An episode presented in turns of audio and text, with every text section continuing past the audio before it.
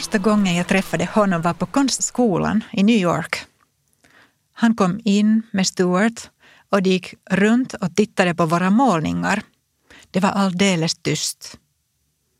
Han var vit i ansiktet och håret stod åt alla håll.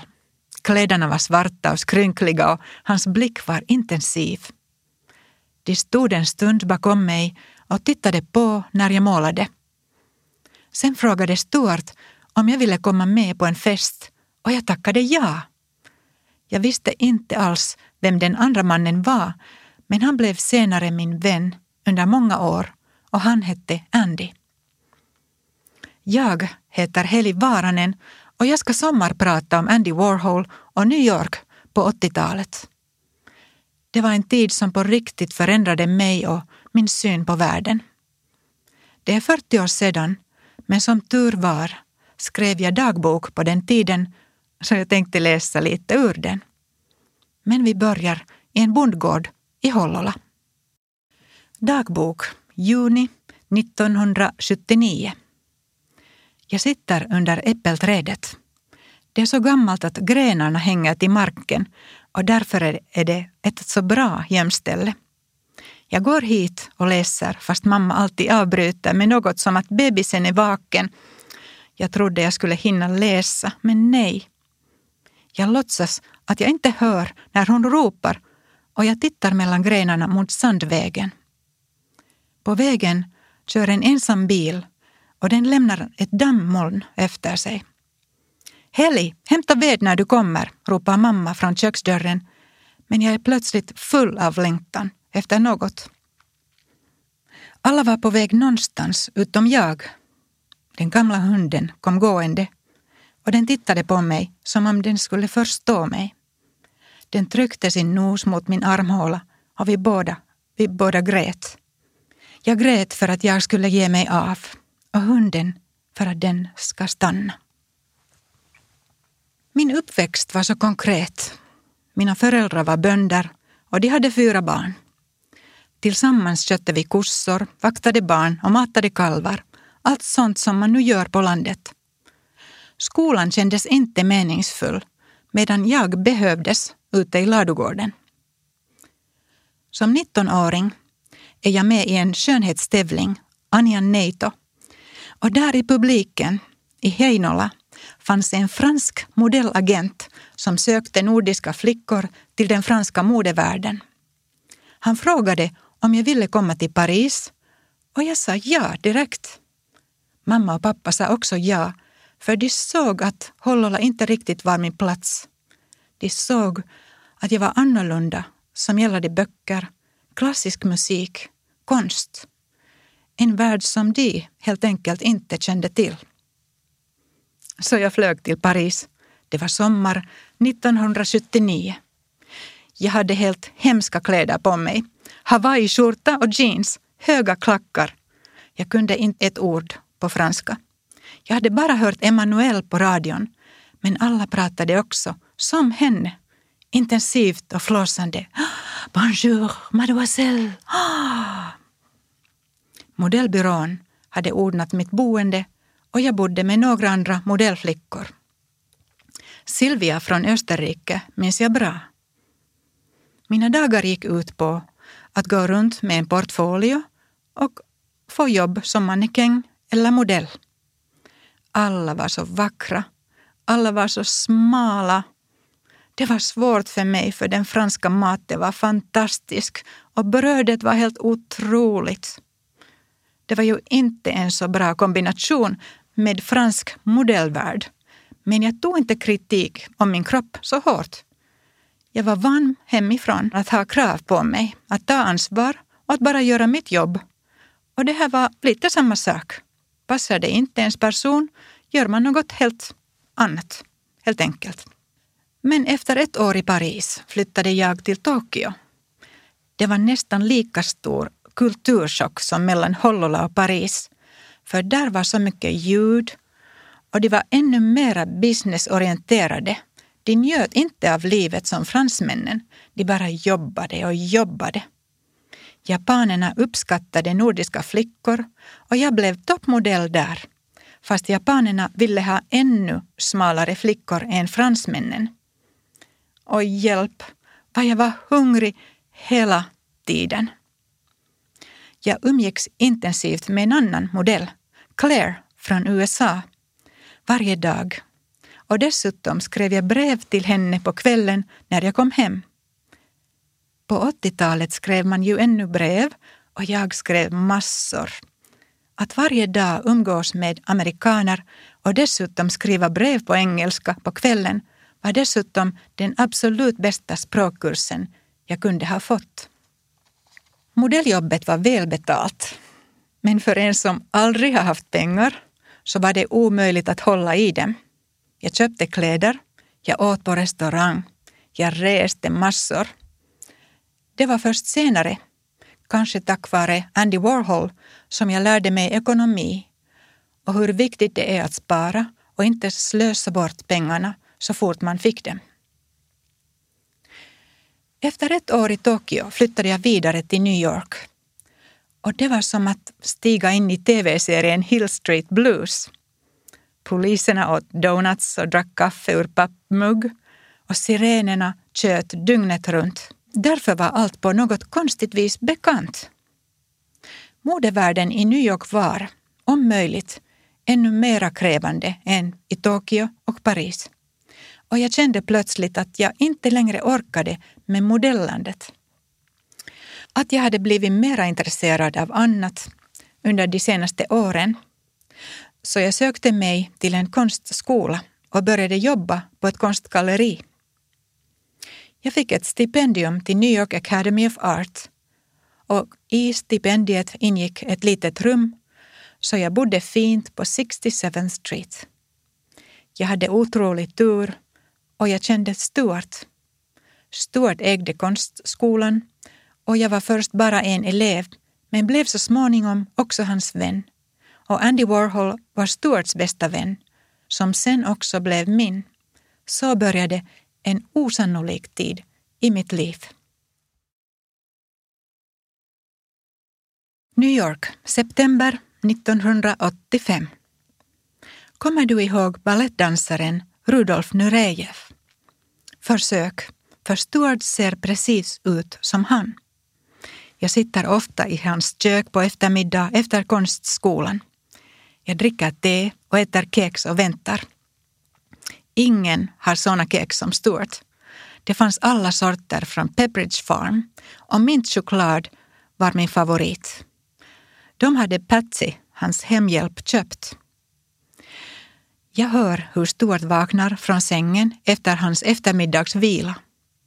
Jag hör Stuart röra på sig på andra våningen. Jag hör honom gå till badrummet och öppna skåpdörrar. Där fanns alla de vita skjortorna jag hade övertalat honom att köpa från loppisen. Och så stod han i trappan, hoppade ner två trappor åt gången och plötsligt var han i köket. I handen hade han en lång svart sax. Han nynnade Bach och gick till spegeln. Jag såg på hans vackra, smala kropp, hans stora bruna ögon och pojkaktig leende. Han hade ändå valt att ha på sig en gammal blå t-skjorta. Ring Andy, sa han. Sen spottade han i sina händer och fuktade håret, tog i pannluggen och klippte den. Håret reste sig upp igen. Vi gick ut. Vi hängde ihop hela tiden. Stuart, Andy och jag. På veckosluten åkte vi runt i Stuarts limousin till lopptorg, auktioner och antikmarknader. De prutade alltid på loppisarna och inget fick kosta mer än tre dollar. Men sen kunde vi åka till Sotheby's och köpa något för hundratusen. Stuart var 25 år äldre och hade barn och säkert flickvänner och Andy hade ju pojkvänner men vi gjorde saker tillsammans hela tiden.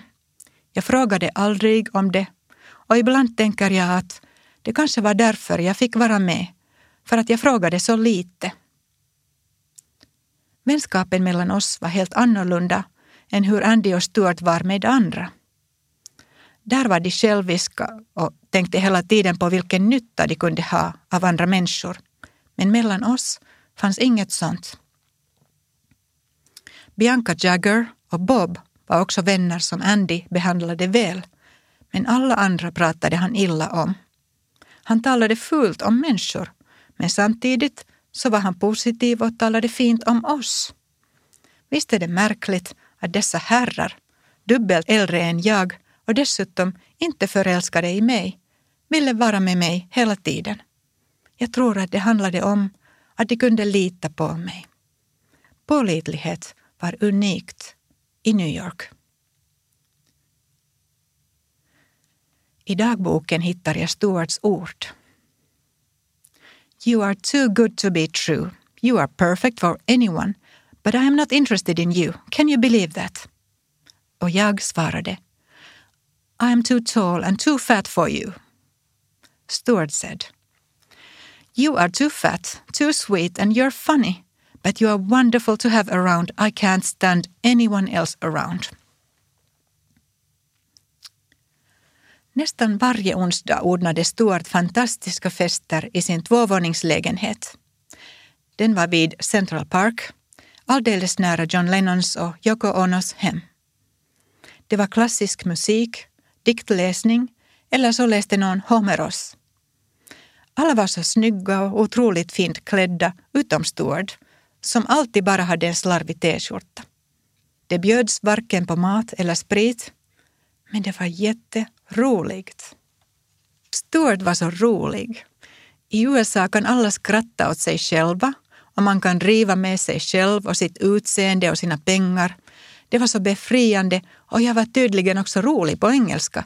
De skrattade hela tiden åt mig och vi skapade en helt egen rolig värld där i vår limousin. Kanske det var så skönt för att resten av New York och konstvärlden var helt tvärtom. Jag som sommarpratar heter Heli Varanen och jag ska berätta för er om Andy, Andy Warhol. Andy var en stor popkonstnär som blev känd för allmänheten via sina porträtt av Marilyn Monroe, Mao och Elvis. Han jobbade på gränsen mot reklamen hela tiden och fotograferade soppburkar och stålull för han ville visa att skönhet också finns i det triviala och vardagliga. Andy var en businesskonstnär och han tänkte kommersiellt hela tiden. Jag tror att han var helt traumatiserad av pengar och han var livrädd att bli utan. Han skulle ogärna ha gått på restaurang om han själv skulle ha tvingats betala för maten. Han kom från en fattig familj med föräldrar som hade utvandrat från Slovakien och som barn var han mycket sjuk. Andy jobbade först inom reklamvärlden till en början. Men 1962 så blev han konstnär på heltid. 1968 blev han skjuten och det tog många år för honom att bli frisk igen och kunna jobba som vanligt. Andy var traumatiserad av sin fattiga bakgrund och han var traumatiserad av att han var utan hår och måste ha peruk. Utseendet var viktigt för honom. Han kunde tala i timmar om sin haka eller sina läppar eller sin hudfärg. Men annars brydde han sig inte om vad folk tänkte om honom. Han var dessutom alltid klädd på nästan exakt samma sätt och mycket var köpt från loppis.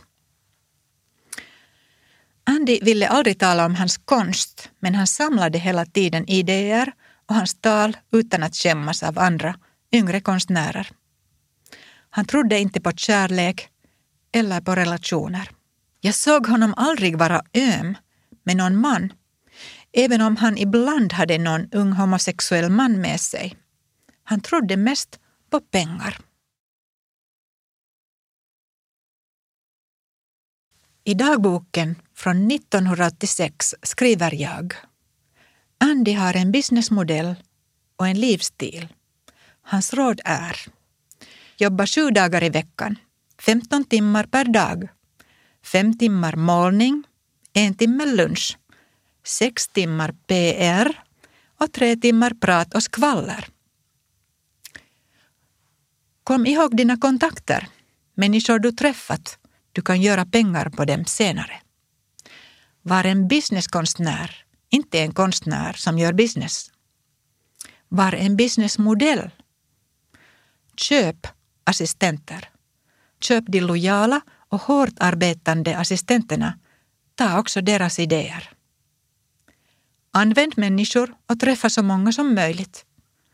Köp vänner. Spendera inte pengar på mat, kläder eller bilar. Det får dina vänner ge dig.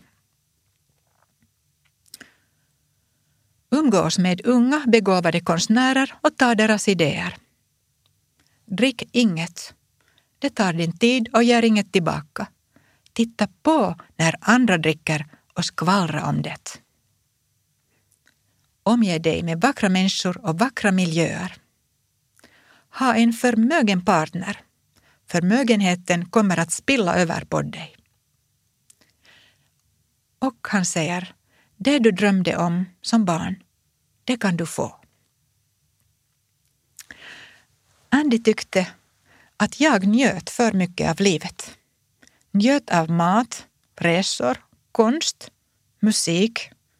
Han ville att jag skulle bli mer seriös men jag tyckte att jag hade jobbat tillräckligt seriöst hela min barndom.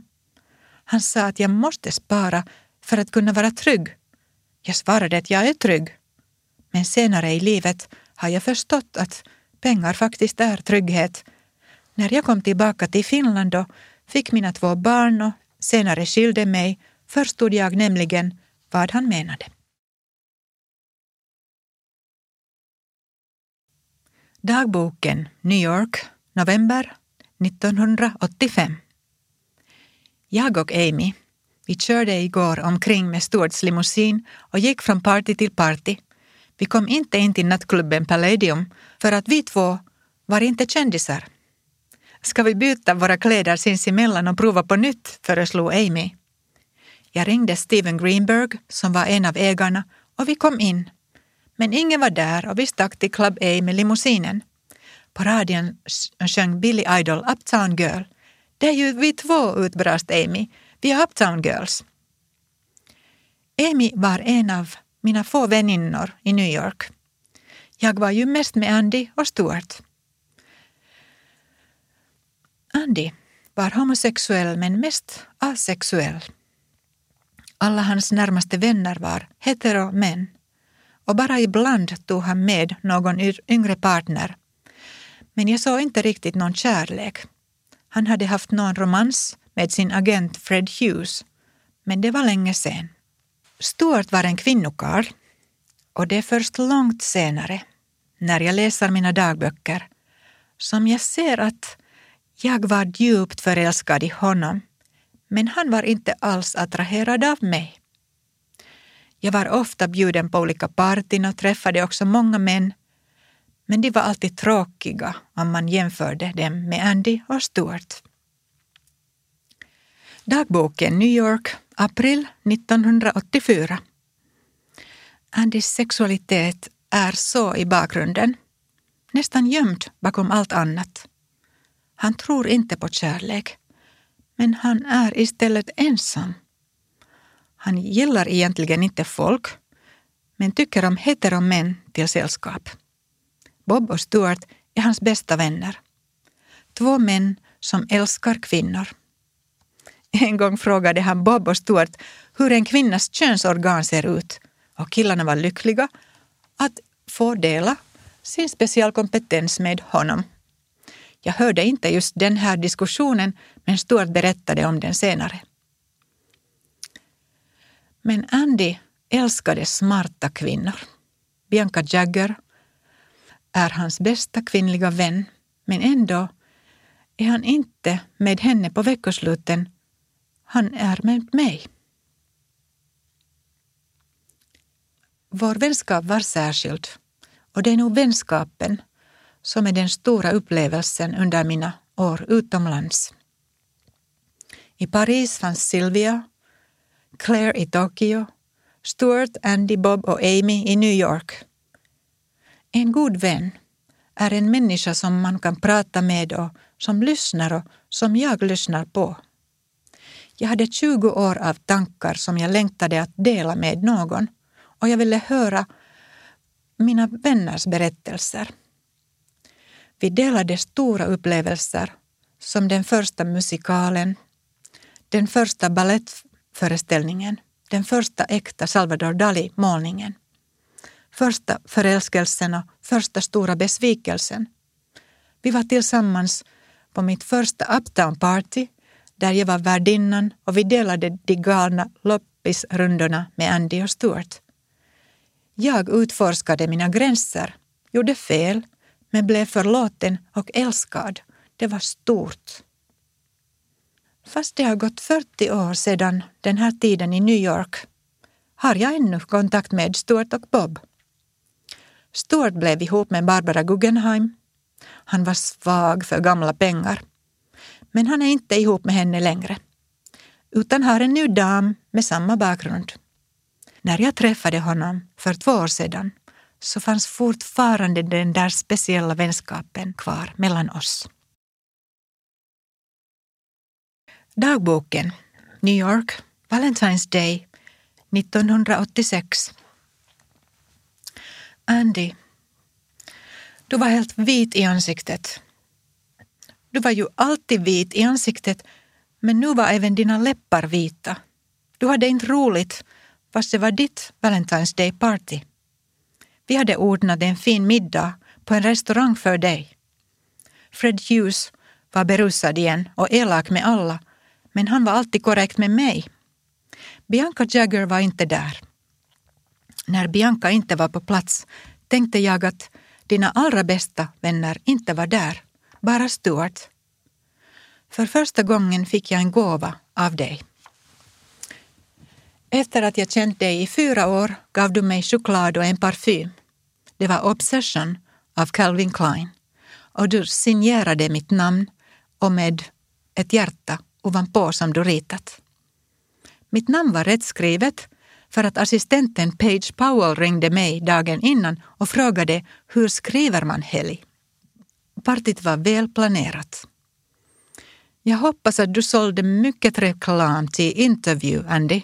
Alla gäster på partyt var så vackra och snygga. På vägen tillbaka satt vi tillsammans i limousinen. Stuart sa att du är sjuk, att du hade magen sjuk. Hoppas det blir bättre snart, sa jag, fast jag såg att det var mer allvarligt än det. Och Stuart bara såg på mig med sorgsna ögon. Andy var otroligt rädd för sjukhus och otroligt rädd för döden. Han kunde vara hur sjuk som helst, men han vägrade att ta emot vård. Det hade säkert att göra med att han var så sjuk som barn och sen med den långa vården efter att han blev skjuten av författaren Valerie Solanas 1968. Andy gick varje lördag och söndag i katolsk mässa och vi hämtade alltid honom där innan vi for på våra lopptorisrundor. Han var troende och gick dit för att be, men också för att få inspiration. Han berättade inte åt mig hur ont han hade, men till Stuart hade han berättat. Och han hade verkligt ont i magen. Men inte förstod vi att det var så allvarligt. Ingen fick heller komma hem till Andy. Fast vi hade varit vänner i många år bjöd han oss aldrig dit. Bob hade varit dit en gång och sa att det var tre våningar fulla med konst och pyttelite plats på en soffa för en gäst. Några kvällar efter att vi hade setts och vi andra hade en fest hemma hos Stuart ringde Andy och ville få skjuts med limousinen till sjukhuset. Han opererades akut men dog på natten, ensam i sitt rum. Han ville inte och kunde inte visa svaghet, visa sig sjuk och behövande. Han ville inte visa sig utan peruk, så han körde ut alla för att vara i fred. Han hade bett en nunna att sitta utanför dörren och be, men ingen var inne i rummet när hjärtat stannade. Han blev 57 år. Jag fick veta om allt först då Bonnie från konstgalleriet ringde och berättade för mig vad som hade hänt, att Andy var död. Jag var chockad, men jag skrev genast en kondoleans till Stuart. Begravningen ordnades av hans agent och före detta pojkvän, Fred Hughes. Det var bara för den närmaste familjen. Jag var inte ut på den, utan jag var på minnesstunden och minneslunch efteråt. Där var 2000 personer. Yoko Ono höll ett fantastiskt tal och jag grät helt hysteriskt. Jag minns inte faktiskt så mycket av tillfället annat än att Bianca Jagger tröstade mig. Många kom och tröstade mig och frågade vem jag var. Och Fred Hughes sa att jag var den enda av 2000 som grät. Dagboken, New York, april 1986. St. Patrick's Cathedral. Människor klädda i svart köar in i kyrkan. Vid dörren står Andys assistent och jag får sedan en plats på de reserverade bänkarna närmast altaret. Jag gråter hela tiden så jag hör inte riktigt Yoko Onos tal. Jag har aldrig varit så olycklig. Sorgen var ofattbart smärtsam. Jag var så upprörd över att Andys liv stannade på hälften. Jag kunde ha dött istället. Efter Andys död är inget som förr. Jag åker tillbaka till Finland för att jag har träffat en finlandssvensk man under ett av mina besök hemma. Vi får två barn och hans mamma, min svärmor, vägrar att tala finska med mig så jag lär mig så småningom svenska och trivs bra i de svenska kretsarna. Jag hade inte gått gymnasiet i Hollola. Jag hade gått yrkesskola till kosmetolog. Men nu när jag kom till Finland läste jag i gymnasiet ganska snabbt med två barn på armen. Jag skrev fyra laudator för att jag hade gått i Stuarts och Andys universitet i många år, så historia, religion, geografi och engelska var lätta för mig. Mamma och pappa bara gapade och ordnade sen en fin studentfest för mig medan jag satt och ammade min son. Med två barn hade jag inte tid att läsa till inträdesförhör. Men till den svenska sidan på Uni räckte det med betyg, så jag sökte till soskom och när jag blev färdig från Sossekom så fortsatte jag med att doktorera på Helsingfors universitet 2004. Jag modellade hela tiden för att försörja mig och barnen och, och slutade med modellandet först 2008 när jag blev färdig psykoterapeut och började på Värstolito där jag blev chef för parförhållandecentret. Jag som berättat om New York på det glada och sorgliga 80-talet och om min vän, den karismatiske Andy Warhol. Jag heter Heli Varanen. Tack för att ni lyssnat och glöm inte att spara lite pengar nu och då, om du bara kan.